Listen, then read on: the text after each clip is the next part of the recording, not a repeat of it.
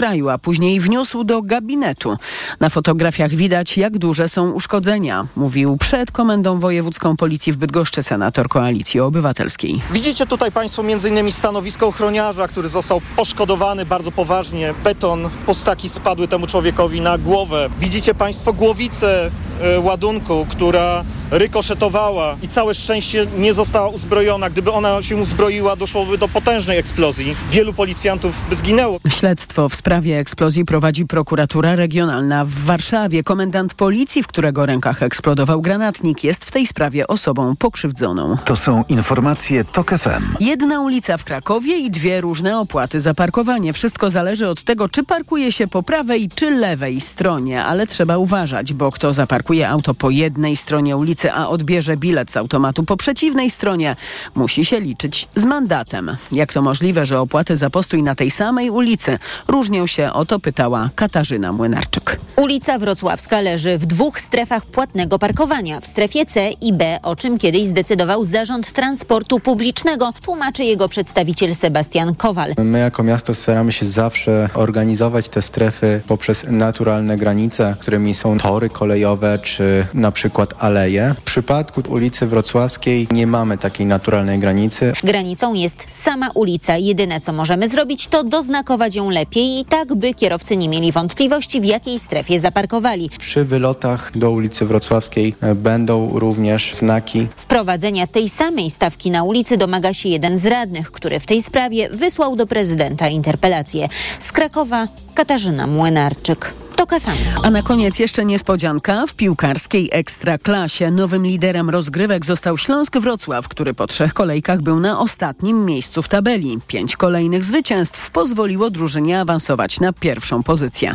Michał Waszkiewicz. Śląsk wciąż szuka inwestora, który przejmie klub, ma nowego prezesa, uwikłał się w aferę z zatrudnieniem dziennikarza na stanowisko wiceprezesa, a do tego pod naciskiem kibiców zwolnił dwóch pracowników, bo ci wcześniej pracowali w Zagłębiu Lubin i Widzewie Łódź. Mimo takiego zamieszania zespół znakomicie radzi sobie na boisku i wygrał pięć razy z rzędu, tym razem na wyjeździe z Puszczą Niepołomice 3 do 1. Udało się w ten sposób wyprzedzić Legię, która straciła punkty w Gliwicach, choć tu też na tapecie mamy nie wynik, a kuriozalną decyzję sędziego, który wyrzucił z boiska Jozuę, choć to on był faulowany. Legia ma dwa punkty mniej od Śląska, ale też dwa zaległe mecze do rozegrania. Czołówkę goni Lech, który ograł w derbach Warte 2 do 0, bo zagraliśmy słabo, mówi tener zielonych Dawid Szwarga. Za dużo się pozbywaliśmy piłki, za, za często traciliśmy po odbiorze. Lech w tabeli jest szósty. Michał Waszkiewicz, TOK FM. Na zakończenie kolejki Stal Mielec zagra dzisiaj z Zagłębiem Lubin. Kolejne informacje TOK FM o 12.20, a teraz prognoza pogody. Pogoda. Przed nami słoneczne popołudnie. 26 stopni dziś ma być w Łodzi, do 27 w Krakowie, Gdańsku i Poznaniu. 28 pokazują termometry w Warszawie i we Wrocławiu. 29 stopni dziś w Szczecinie. W nocy na zachodzie już więcej chmur, deszcz i lokalne burze. Radio TOK FM.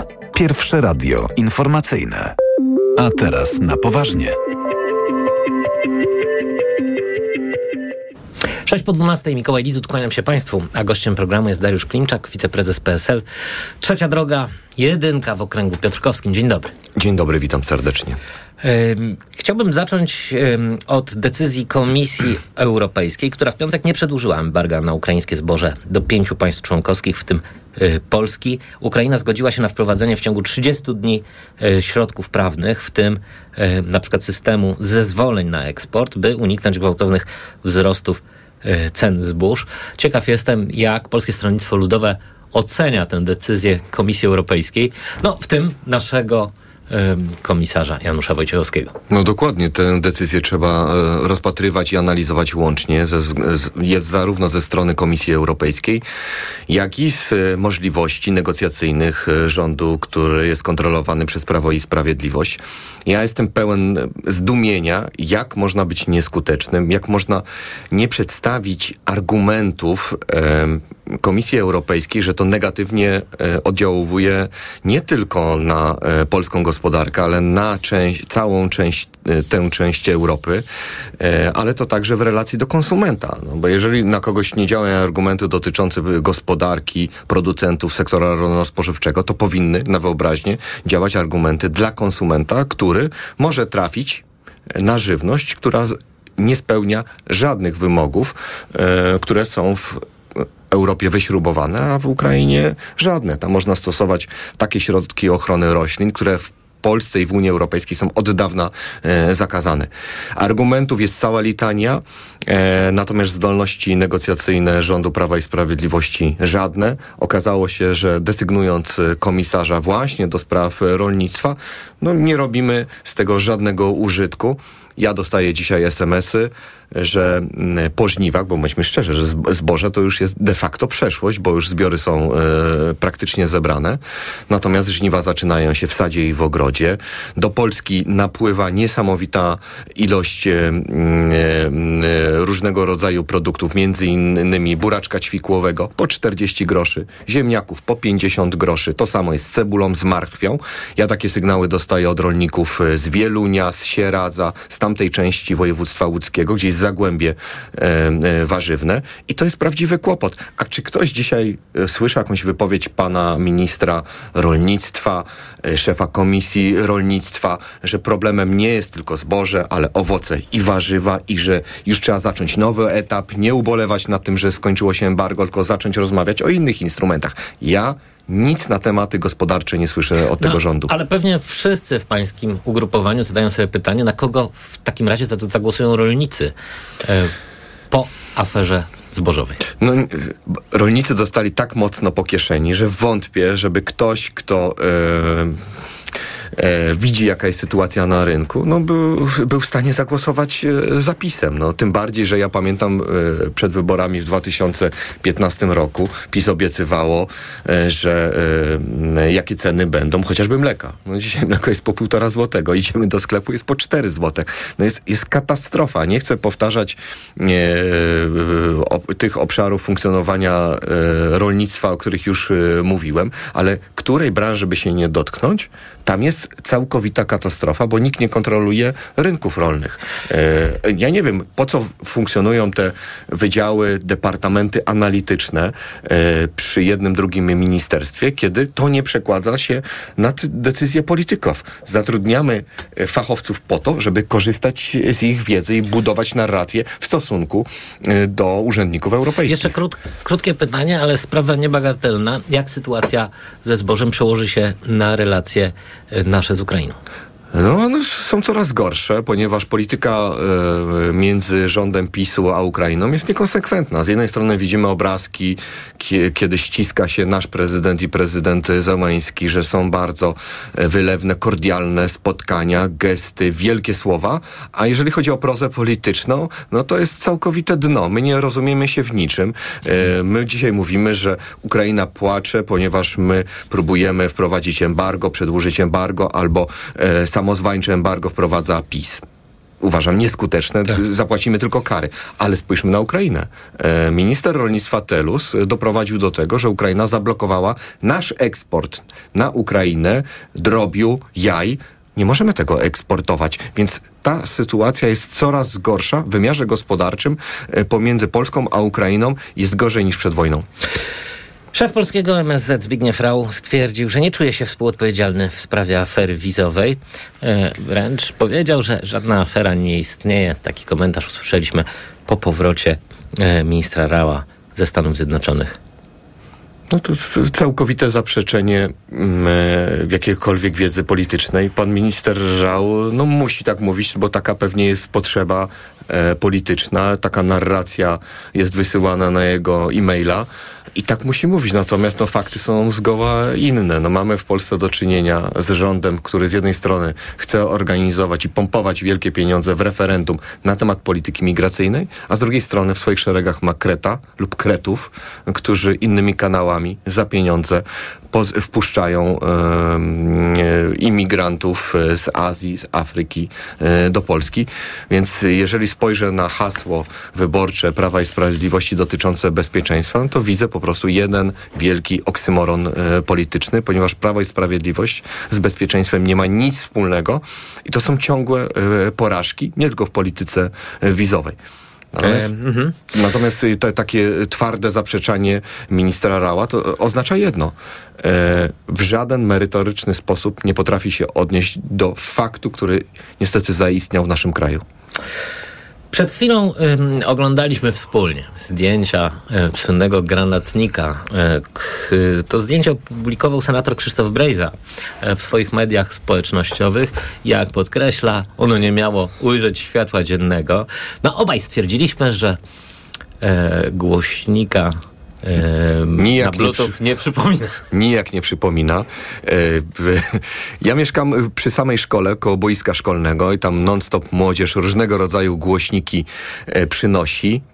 Żadnego nie widziałem podobnego do, e, do tego typu granatnika. Można by było sobie zażartować, gdyby nie chodziło o jednego z najważniejszych Te funkcjonariuszy. pokazują też co właściwie się stało w gabinecie um, szefa policji. No, Aha, no straty tak... są rzeczywiście gigantyczne. To musiała być naprawdę potężna eksplozja. Yy, obrazki mówią jedno, że tam naprawdę był Armagedon. Yy, mm. to, to potężna... Jak to jest możliwe, że e, PiSowi udało się tę sprawę zamieść Yy, pod dywan. Komendant Szymczyk nie, nie poniósł właściwie żadnych konsekwencji. Nie. Poza konsekwencjami zdrowotnymi oczywiście. PiS dysponuje bardzo mocną machiną propagandową, e, konsekwentnie działającą, która e, nie ogląda się na bok, ma klapki na oczach i tak, e, tak widzimy dzisiaj, no, mnogość różnego rodzaju innych incydentów przykrywa te, które wydawałoby się, że mogą obalić rząd. Na tych obrazkach widać, że naprawdę tam poważny wybuch był. Broń, która, która spowodowała te straty, no to jest no, no nijak nie przypomina jak, tego, o czym mówił pan e, Szymczyk. No ja, dla mnie jest niezrozumiałe po takiej katastrofie, jak można dalej kierować bardzo odpowiedzialną e, formacją, formacją, która także ma oczekiwania, wymagania.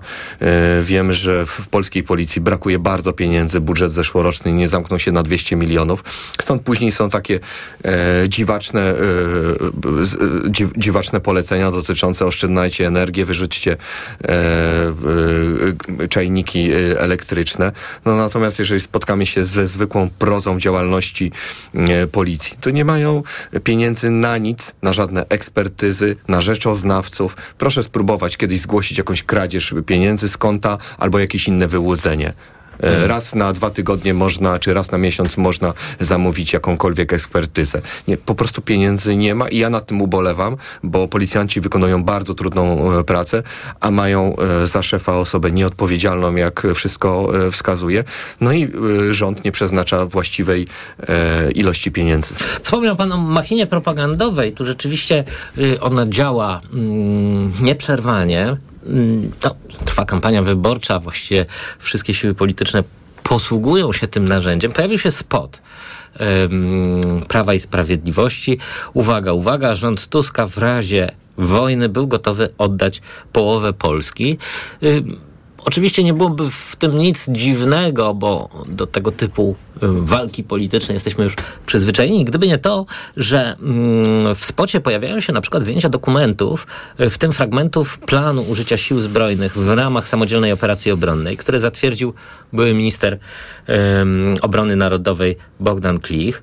Y, no i um, no można powiedzieć, że właściwie w ramach kampanii wyborczej no, w sposób skandaliczny ujawniamy dokumenty, które naprawdę y, w sytuacji państwa przyfrontowego powinny być tajne. Tak, po pierwsze skandalem jest ujawnianie części dokumentów, e, które są e, tajne i posługiwanie się jakimiś wyrwanymi z kontekstu odtajnionymi dokumentami. To jest dno polityczne i ewidentnie Prawo i Sprawiedliwość brzytwy się chwyta, ma tak piekielne kłopoty właśnie z bezpieczeństwem, które nosi na sztandarach, a okazuje się, że to jest ich pięta achillesowa, więc próbuje pokazywać jakieś fragmenty innych dokumentów. Ktoś, kto e, tego typu e, dokumentu ujawnia, naprawdę nie powinien w ogóle porównywać się, że jest politykiem, który ma z polską racją stanu nic wspólnego. Druga sprawa, no kto w Polsce jest w stanie uwierzyć, że jakikolwiek polityk jest w stanie oddać e, część czy połowę kraju bez, bez walki. Oczywiście polska obrona zawsze polegała na obronie polskich e, granic i o tym powinien właśnie PiS e, pamiętać, szczególnie kiedy ujawniają się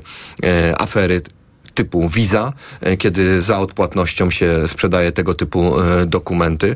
Natomiast Prawo i Sprawiedliwość niech się pochwali chociażby jakimś jednym wielkim projektem, które zaczęło i skończyło. Za naszych czasów my finansowaliśmy przez NCBIR projekt Borsuka, pojazdu bojowego, a Prawo i Sprawiedliwość? Mm. Co robiło z NCBIR-em? Nie, to, to są generalnie y, tanie bajeczki, w które nikt w Polsce nie uwierzy, że polska obrona zaczyna się dopiero od jakiegoś fragmentu naszego kraju. Polska obrona zawsze e, zaczynała się od e, granic Rzeczpospolitej, a dzisiaj przecież widzimy, że część sprzętu naszego jest oddane Ukrainie, bo dzisiaj na Ukrainie je, jest położone także i nasze bezpieczeństwo. Dariusz Klimczak, wiceprezes PSL z trzeciej drogi, e, jedynka w okręgu Piotrkowskim. Dziękuję, pozdrawiam wszystkich tej serdecznie. części programu, bardzo dziękuję. Ja teraz Państwa zapraszam na informacje, na informacje, a po nich razem z Dominiką Na nasz cykl Wybory trzeciej RP. Tym razem przyjrzymy się praworządności i temu, kto w Polsce wykręcał jej bezpieczniki. Zapraszam Państwa. A teraz na poważnie.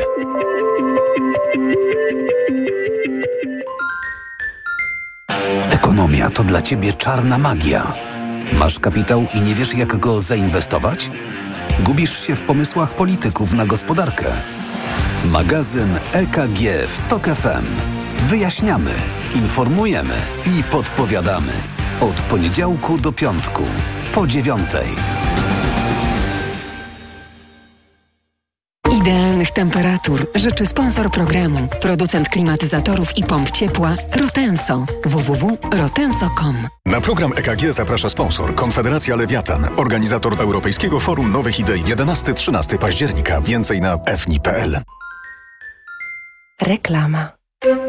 Najlepiej jesienią? Na Allegro mają. Tysiące produktów dla dzieci i niemowląt, w tym Nestle Nan Optipro Plus 2 w dwóch opakowaniach 800 gramów. Karmienie piersią jest najlepszym sposobem żywienia niemowląt. Promocja nie dotyczy mlek początkowych. Allegro, nasz największy sklep.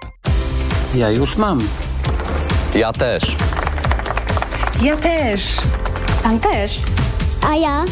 Ty też. I my też. 16 milionów Polaków już ma dostęp do wielu bezpłatnych leków. Program obejmuje dzieci i młodzież do 18 lat oraz seniorów po ukończeniu 65 lat. To komfort i oszczędność. Bezpłatne leki dla zdrowia Polaków. Kampania Ministerstwa Zdrowia i Narodowego Funduszu Zdrowia. Policjanci z sąsiedztwa. Pierwszy taki serial dokumentalny o polskiej policji w telewizji. Premiera od poniedziałku do czwartku o 21 w telewizji WP. Aniu, Czy możesz wziąć za mnie zastępstwo w piątej A? Oczywiście, Ewa. A ty na zapalenie gardła weź pastylki do ssania Septinum Silver. Wyrób medyczny Septinum Silver dzięki zawartości nanosrebra wspomaga leczenie infekcji bakteryjnych i wirusowych gardła. Łagodzi ból, chroni i nawilża gardło. Septinum Silver. Pierwsza pomoc przy bólu gardła. Dostępny także w sprayu. Producent oraz podmiot prowadzący reklamę Zdrowit. To jest wyrób medyczny. Używaj go zgodnie z instrukcją używania lub etykietą. Kiedy mój Tadzio zaczyna chorować, nie czekam aż infekcja się rozwinie. Od razu sięgam po odpowiedni lek. Wybieram Lipomal. Syrop z wyciągiem z lipy przeznaczony do stosowania w pierwszej fazie infekcji. Lipomal to sprawdzone rozwiązanie, które wspomaga w stanach gorączkowych, przeziębieniu i kaszlu. Syrop 97 mg na 5 ml. Wyciąg suchy z lipy na potnie w stanach gorączkowych. Przeciwwskazania. Nadwrażliwość na którąkolwiek substancję produktu. Aflofarm. Przed użyciem zapoznaj się z treścią ulotki dołączonej do opakowania, bądź skonsultuj się z lekarzem lub farmaceutą, gdyż każdy lek niewłaściwie stosowany zagraża Twojemu życiu lub zdrowiu. Reklama. Radio TOK FM. Pierwsze radio informacyjne. Informacje TOK FM. 12.22. Elżbieta Mazur-Bielat. Zapraszam. Ukraina chce pozwać Polskę, Węgry i Słowację za zakaz importu ukraińskich produktów rolnych. W piątek, po tym jak Bruksela nie przedłużyła unijnego embargo, Warszawa, Budapeszt i Bratysława wprowadziły swoje zakazy. Wiceminister gospodarki i przedstawiciel handlowy Ukrainy zapowiedział w rozmowie z Politico złożenie pozwu w Światowej Organizacji Handlu. Według Tarasa Kaczki polski zakaz jest bardziej dotkliwy niż słowacki i węgierski. Ukraiński Ukraiński polityk zapowiedział, że jeśli Warszawa nie wycofa się z obostrzeń, Kijów zakaże importu polskich owoców i warzyw. Jest reakcja Prawa i Sprawiedliwości. Była premier europosłanka PiSu Beata Szydło mówi, że wiceminister gospodarki Ukrainy zachowuje się impertynencko, pouczając Polskę w sprawie zboża. Jej zdaniem ukraiński polityk powinien pomyśleć, jaki przykład daje Ukraina, gdy w taki sposób traktuje kraj, który uratował ją w dramatycznych chwilach. Kolejne kontrole poselskie związane z aferą wizową politycy Koalicji Obywatelskiej dzisiaj są w siedzibie Straży Granicznej, potem planują wizytę w Ministerstwie Spraw Wewnętrznych. Marcin Kierwiński, Jan Grabiec i Cezary Tomczyk zorganizowali konferencję prasową przez, przed kontrolą poselską w siedzibie Straży Granicznej. Jak mówili, Straż jest tą instytucją, która powinna reagować w sprawie nielegalnego wydawania polskich wiz. W piątek resort spraw zagranicznych zapewniał, że nie jest prawdą, że polskie władze sprowadziły setki tysięcy tysięcy migrantów z krajów muzułmańskich i Afryki i że Polska jest liderem w Unii w wydawaniu pozwoleń na wjazd do strefy Schengen. To są informacje TOK FM. W nich jeszcze ostrzeżenie przed suszą hydrologiczną. Wojewódzkie Centrum Zarządzania Kryzysowego w Opolu ostrzega przed stratami w części łódzkiego, opolskiego i śląskiego. Trudna sytuacja panuje w obszarze Warty Górnej, Poraja i List Warty. Więcej doniesień z kraju i świata na tokefm.pl. Już za moment przedwyborczy program TOK FM. Dominika Wielowiejska i Mikołaj Lizut zapraszają na wybory trzeciej RP. Dziś będzie o praworządności. A pełne wydanie informacji TOK FM o 13. Pogoda. Przed nami pogodne, słoneczne popołudnie. Najcieplej dziś będzie w stolicy zachodniopomorskiego w Szczecinie do 29 stopni, w Warszawie i we Wrocławiu 28, w Krakowie, Gdańsku i Poznaniu do 27, 26 stopni dzisiaj w Łodzi. Radio TOK FM. Pierwsze radio informacyjne. Wybory trzeciej RP. To jest audycja Wybory trzeciej RP. Mikołaj Lizut. Dominika Wielowiejska. Witamy Państwa bardzo serdecznie. E, ten odcinek chcieliśmy poświęcić demokracji oraz jej e, regułom. E, właściwie żelaznym regułom, czyli temu wszystkiemu, co prawnicy nazywają praworządnością. Tocząca się właśnie kampania wyborcza dotyczy także reguł demokracji. Właściwie jest to główna oś sporu politycznego we współczesnej Polsce. Dlatego teraz chcieliśmy się przyjrzeć kłopotom e, demokracji z praworządnością. Bądźcie Państwo z nami. Wybory trzeciej RP. Zaczniemy mm, od y, okrągłego stołu gdzie zostały ustalone reguły charakterystyczne dla demokratycznego państwa prawa. E, I trzecia RP oczywiście borykała się z rozmaitymi problemami w tym zakresie. Mamy tutaj dwa rodzaje e, problemów. Pierwszy to jest przestrzeganie praw człowieka, e, a drugi właśnie mm, podział władz i problem rządzących, którzy łamią prawo, ponieważ chcą poszerzyć swoją władzę kosztem instytucji demokratycznych demokratycznych. Ale skoro jesteś przy okrągłym stole, to chcę ci przypomnieć, że ten e, kontrakt e, zawarty z ówczesną autorytarną władzą w Polsce miał swoich wielu krytyków. dziś być może to się wyda egzotyczne, ale na przykład głównym krytykiem, jednym z głównych krytyków był e, ówczesny działacz opo opozycji, a późniejszy prezydent Bronisław Komorowski. Ale także Tadeusz y, Mazowiecki nie do końca miał przekonanie w sprawie wyborów 4 czerwca. Rzeczywiście tu były różnice zdań, że no, rzeczywiście dogadywać była... się z komunistami y, nie należy, bo to zbyt duże ryzyko. Po pierwsze jest y, ryzyko, po drugie no, to jest jednak, to był jednak rodzaj koncesji. Przypomnę, że wybory do Sejmu kontraktowego zakładały um, wolne wybory do Sejmu jedynie w 30%. Do tak Senatu jest. w pełni rzeczywiście e, demokratyczna. A co więcej, ekipa solidarnościowa wcale nie była pewna, czy w przypadku e, tak druzgocącej porażki obozu rządzącego PZPR nie zechce unieważnić tych y, wyborów i uznać, że żadnego głosowania nie było. To była kwestia zaufania. I rzeczywiście to było bardzo trudne, bo y, druga strona mogła uważać, że komuniści mogą wywinąć taki numer. PZPR miał w ręku rzeczywiście wszystko. e, policję, służby specjalne, no a także przypomnijmy, w Polsce stacjonowały wojska radzieckie.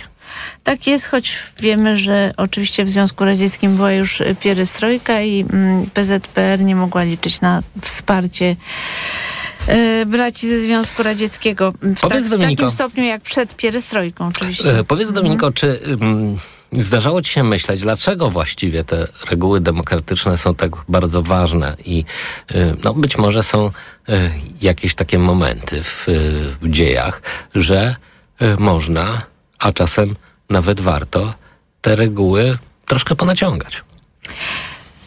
Te reguły są bardzo ważne, ponieważ one chronią nas wszystkich przed nadużyciami władzy, po prostu.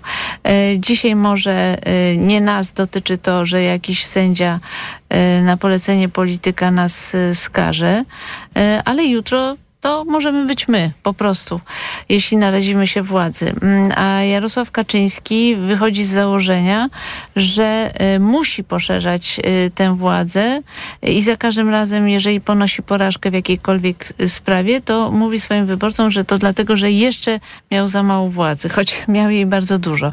Ale wracamy oczywiście do początku naszej y, opowieści, bo jednym z y, takich dramatycznych sprawdzianów, na ile młoda demokracja działa, była oczywiście noc y, teczek.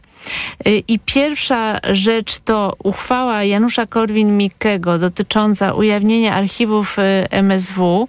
W zasadzie wiemy o tym, że namówił go na to Antoni Macierewicz, y, żeby taką uchwałę przyjąć. Ona łamała wszelkie reguły praworządności, dlatego że czyniła z Macierewicza prokuratura, prokuratora i sąd jednocześnie, bo Tutaj właśnie mm, chciałbym, żebyśmy ym, jeszcze na moment się zatrzymali w, trochę w takim y, metajęzyku. To znaczy, y, rzeczywiście sprawa lustracji i dekomunizacji to była y, jedna z najważniejszych osi sporu w polskiej polityce po 89 roku. Zadziwiające zresztą jak długo te właśnie sentymentalne co by o nich nie mówić, sprawy y, rządziły naszą zbiorową wyobraźnią, a przede wszystkim polską polityką. O y, dekomunizację i ilustrację kłócili się y, wszyscy. Właściwie to był jeden z głównych wątków wyborczych przez wiele, wiele, wiele lat. I, mm, no i tutaj chyba warto się zastanowić, Czym miałaby być rzeczona dekomunizacja i lustracja? Czy w ogóle na przykład y, lustracja bez dekomunizacji jest zjawiskiem sprawiedliwym? E, Przypomnę, że lustracja polega na ujawnieniu e, tajnych współpracowników PRL-owskich służb specjalnych.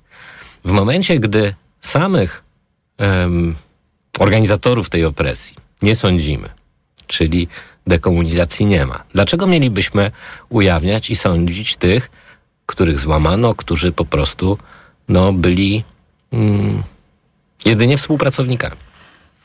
Ustawa dekomunizacyjna tak naprawdę nigdy nie nabrała realnego kształtu, chociaż wedle mm, wielbicieli mm, tej koncepcji miała oznaczać wykluczenie z życia publicznego osób, które y, mm, były w PZPR, pełniły tam wysokie funkcje lub w y, służbach y, specjalnych, ale no właściwie żaden taki projekt realnie się nie pojawił. To bardzo dużo było krzyku na ten temat, mm, natomiast nikt w gruncie rzeczy nie potrafił tego przygotować. Ale lustracja doszła do skutku Ale i to kilkakrotnie. y, tak właśnie zaczęła się od tej y, uchwały. I teraz zadałeś mi- pytanie, dlaczego y, mają płacić wysoką cenę ci, którzy zostali złamani przez służby specjalne lub też byli, no co tu dużo mówić, świadomymi agentami, którzy brali pieniądze, bo i tacy się mm, tam pojawiali. Natomiast ci oficerowie SB, którzy często mają wielkie świństwa na swoim koncie, nie ponoszą żadnej odpowiedzialności. Y, Odpowiedź y, na to pytanie y, brzmi tak. Mm, Założenie ustawy po 90, w 97 roku, bo powstał projekt ustawy lustracyjnej, która była przygotowana także przez środowiska Unii Wolności, czyli te, które krytykowały uchwałę Antoniego Macierewicza.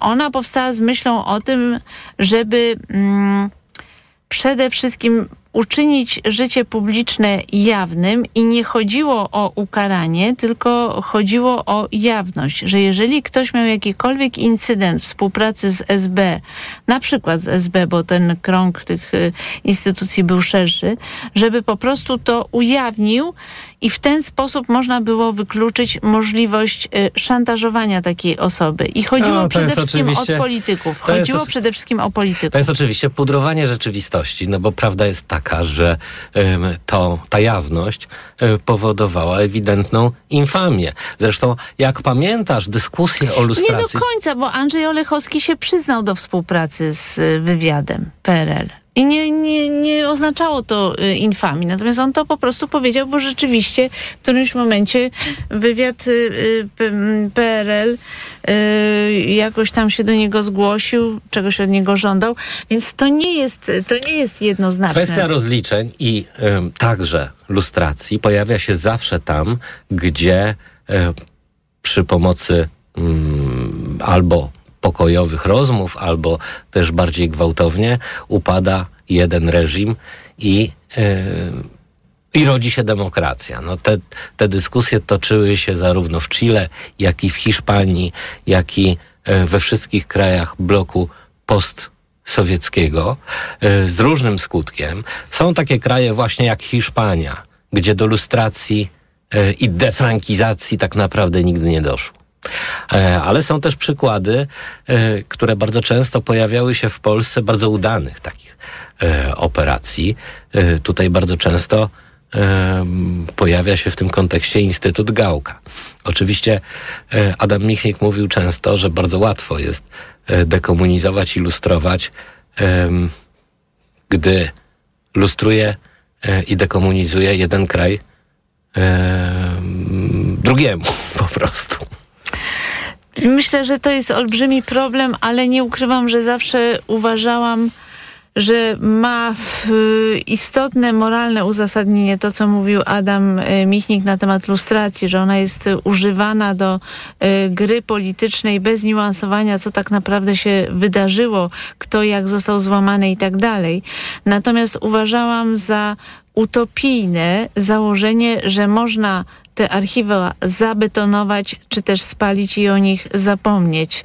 Y, Utopijne dlatego, że po prostu duża część mm, społeczeństwa i reprezentujących je polityków uważała, że jednak y, ta wiedza powinna zostać ujawniona przynajmniej w stosunku do osób, które aspirują do pełnienia poważnych funkcji publicznych.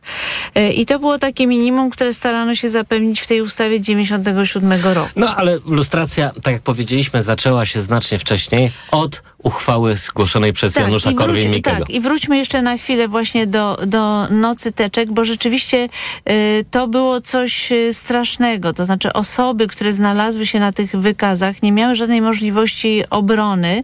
Y, tam y, młodzi z, rewolucjoniści macierewiczowscy popełnili wiele błędów. Interpretacja akt SB nie jest prosta, musi być robiona przez y, ekspertów.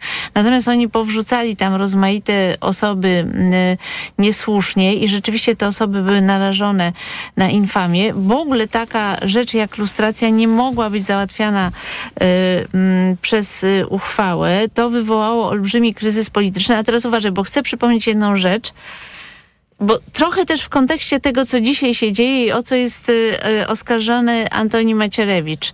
A mianowicie jeden z współpracowników rządu Jana Olszewskiego wiele lat później powiedział mi, że to, iż Korwin-Mikke zgłosił tę e, uchwałę i to, że Antoni Macierewicz też został e, tutaj podpuszczony do tego, żeby popchnąć taką inicjatywę, może być dziełem rosyjskich służb po to, żeby zdestabilizować państwo, przebudować swoją strukturę agenturalną w Polsce tak dalej, i tak dalej.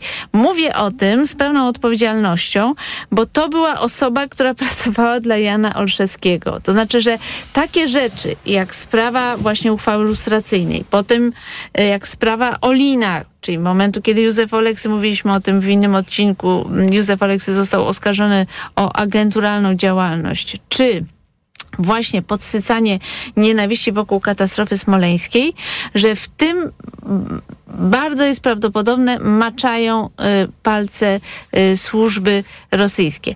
Ale Tego teraz... się oczywiście nie da wykluczyć. Ja przypomnę tylko, że mm, ówczesna Rosja rządzona przez Jelcyna była e, rzeczywiście takim kolosem na glinianych nogach. Rosja tak, ale miała swoje kłopoty. wstrząsana, Była wstrząsana e, oczywiście i tam rozmaitymi konfliktami służby specjalne frakcji. oczywiście Mhm. też e, odgrywały ogromną, ogromną rolę w tych e, wszystkich przemianach.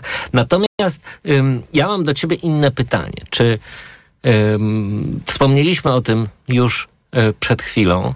Na ile daleko podczas nocy teczek było od zamachu stanu?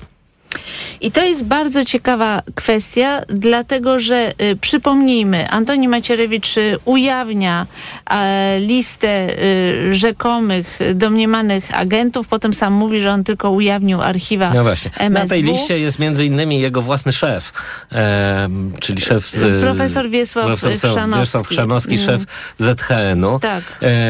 Wśród ujawnionych przez Macierewicza e, rzekomych agentów jest, Jest także Leszek. prezydent Lech Wałęsa. Leszek Moczulski i też jest prezydent Wałęsa i to jest y, kluczowe, dlatego że y, Wałęsa został y, oskarżony o współpracę z SB i mm, problem polegał na tym, że Prawdopodobnie dzisiaj, jak patrzymy na tę sekwencję wydarzeń, Macierewicz, który wiedział, że rząd